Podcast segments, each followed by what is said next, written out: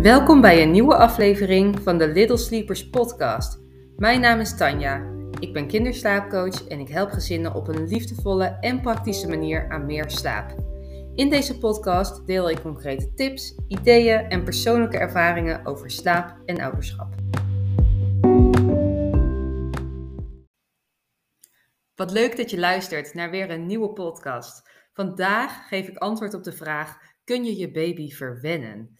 En dat is echt iets wat ik de laatste weken weer steeds meer om me heen hoor. Een baby kan je niet genoeg verwennen, zeker die eerste zes maanden niet. Nou, die uitspraak wordt veel gedaan. Of het nou door vrienden is, door familie, door andere moeders in je omgeving, het consultatiebureau of mensen in de media. Het wordt te pas en te onpas geroepen. En ik heb een hele sterke mening over deze uitspraak, omdat het van alles en nog wat suggereert. Dat je een heel sterk gevoel geeft, uh, waarin je misschien moet nadenken of dat voor jou het beste is. Nou, de uitspraak wordt natuurlijk vooral gedaan aan de wat zachtere kant van opvoedstijlen. Dus als jij helemaal natural parenting fan bent, dan voel jij dit waarschijnlijk ook heel sterk. En dan resoneert die uitspraak heel erg met jou. En dan denk je, nee, een baby kan ik nooit genoeg verwennen. Nou, een aantal weken geleden kwam uh, uh, het nieuws in, uh, in het nieuws dat je je baby zeker mag wiegen en vasthouden in de eerste zeven maanden eigenlijk. en dat je je baby niet hoeft te laten huilen en het vasthouden en het wiegen ervoor zorgt dat kinderen sneller kalm worden. Nou, ik heb daar een hele post over geschreven op mijn Instagram pagina. Dat is tanja-little. Zoek daar gerust eventjes op als je daar meer over wil weten, wat mijn mening daarover is. Maar ook daarover heb ik al verschillende ideeën. Maar goed, in die artikelen over dat nieuwsbericht las ik ook weer heel veel uitspraken, zelfs van hooggeleerde uh, mensen, doktoren op de universiteit. Je kunt je baby niet genoeg verwennen. En dan denk ik, ja, wat zeg je nou eigenlijk?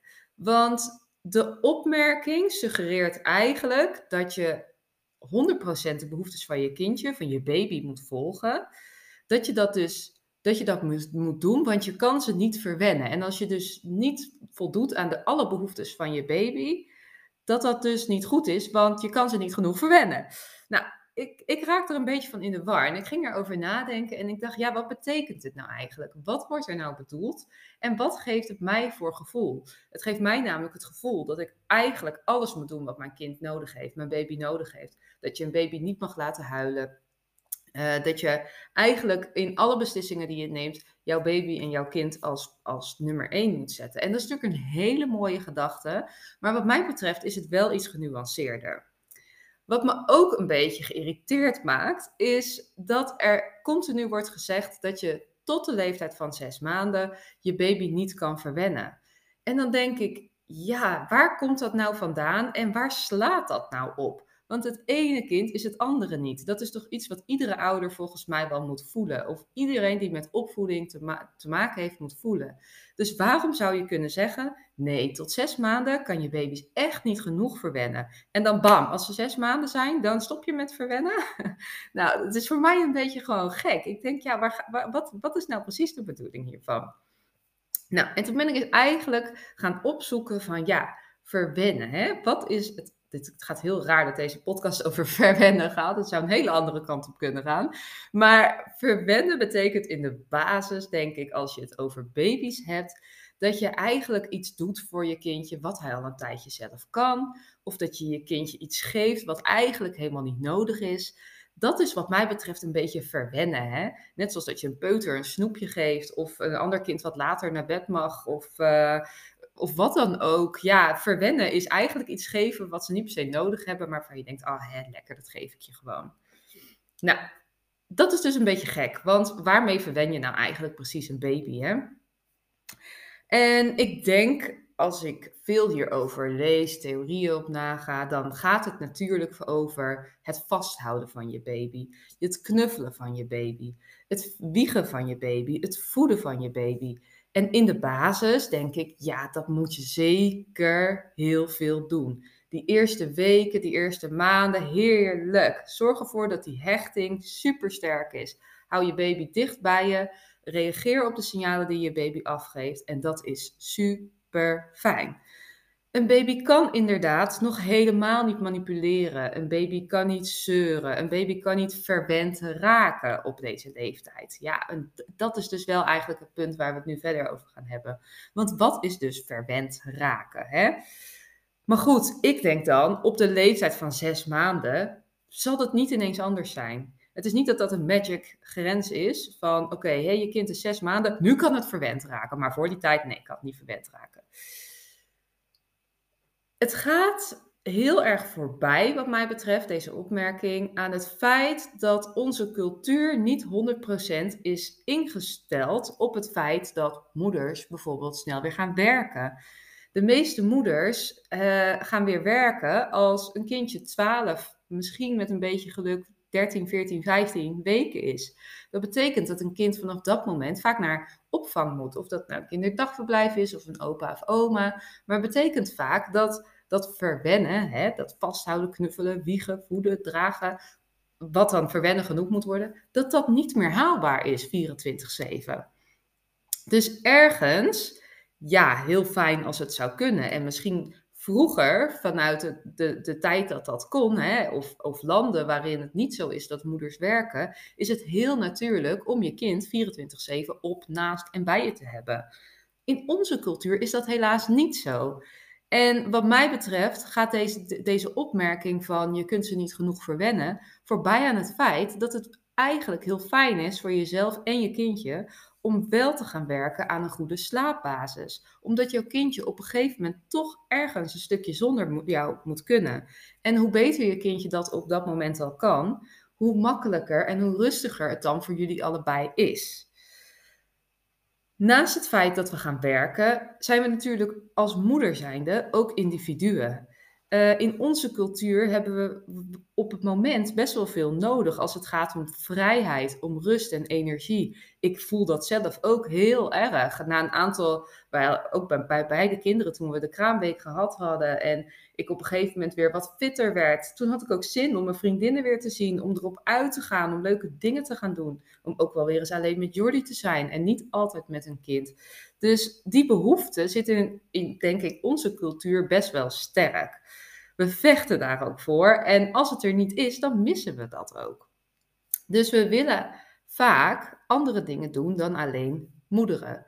Los daarvan wordt dat ook van ons verwacht. Uh, de mensen om ons heen, hè, die hebben misschien bepaalde verwachtingen. Ik zeg helemaal niet dat je daaraan moet voldoen, maar als je zelf ook graag met ze af wil spreken, dan is dat natuurlijk hartstikke mooi.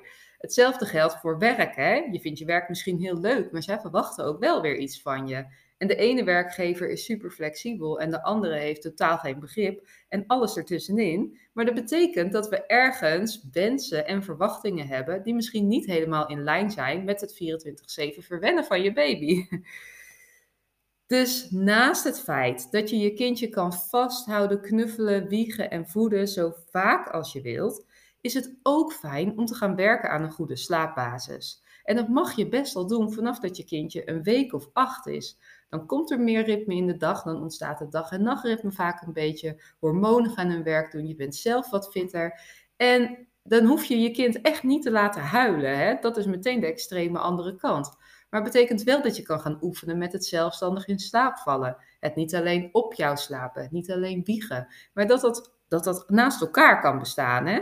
Dat je dus je kindje bij je en vasthoudt, maar dat je ook oefent met, zelfstandige, met zelfstandigheid. Juist om uiteindelijk de rust te geven aan je kindje en ook voor jezelf.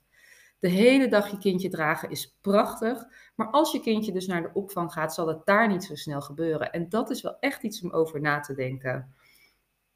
Dus kijk of jouw visie van ouderschap past bij nou, allereerst misschien de opvanglocatie, bij wat je op dit moment aan het doen bent. En bedenk, wat is voor mij een baby verwennen? Wat wil ik daarin wel doen? Wat wil ik daarin niet doen? En ben ik daarin op de allerbeste weg voor mezelf en voor mijn kind? Ik wil gewoon dat als je deze opmerking weer een keer hoort, je kan je baby niet genoeg verwennen, dat het schuldgevoel, als je dat dus niet doet, weg is. Het hoeft echt niet te suggereren dat je 100% moet doen wat dat, dat soort media zeggen. Dus vasthouden, knuffelen, wiegen, voeden. Je mag iets anders doen. Dan verwen je je kind misschien nog steeds wel. Dan ben je in ieder geval een hele liefdevolle en en fijne ouder. Dus dat betekent niet dat je je kind iets aandoet, dat je je schuldig hoeft te voelen als je niet volgt wat er wordt bedoeld met het verwennen van je kindje. Dus hoor je die opmerking? Parkeer het even, denk er even over na, vraag je af wat voor gevoel het bij je oproept en ga daar gewoon mee aan de gang of leg het naast je neer als je dat wil. Hopelijk is deze podcast inspirerend. Lees je dus weer een keer die zin. Hou, het, hou deze in gedachten of stuur hem door naar een, een, een vriendin of wie dan ook die deze opmerking misschien heel regelmatig roept.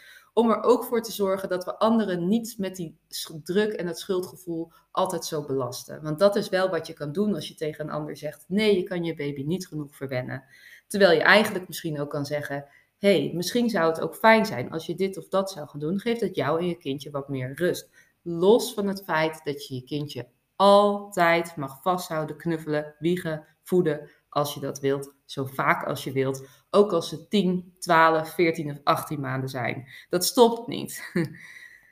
Bedankt voor het luisteren en graag tot de volgende keer.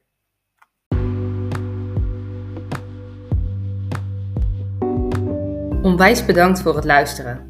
Hopelijk heb je veel ideeën om meer rust en energie te creëren voor jouw gezin.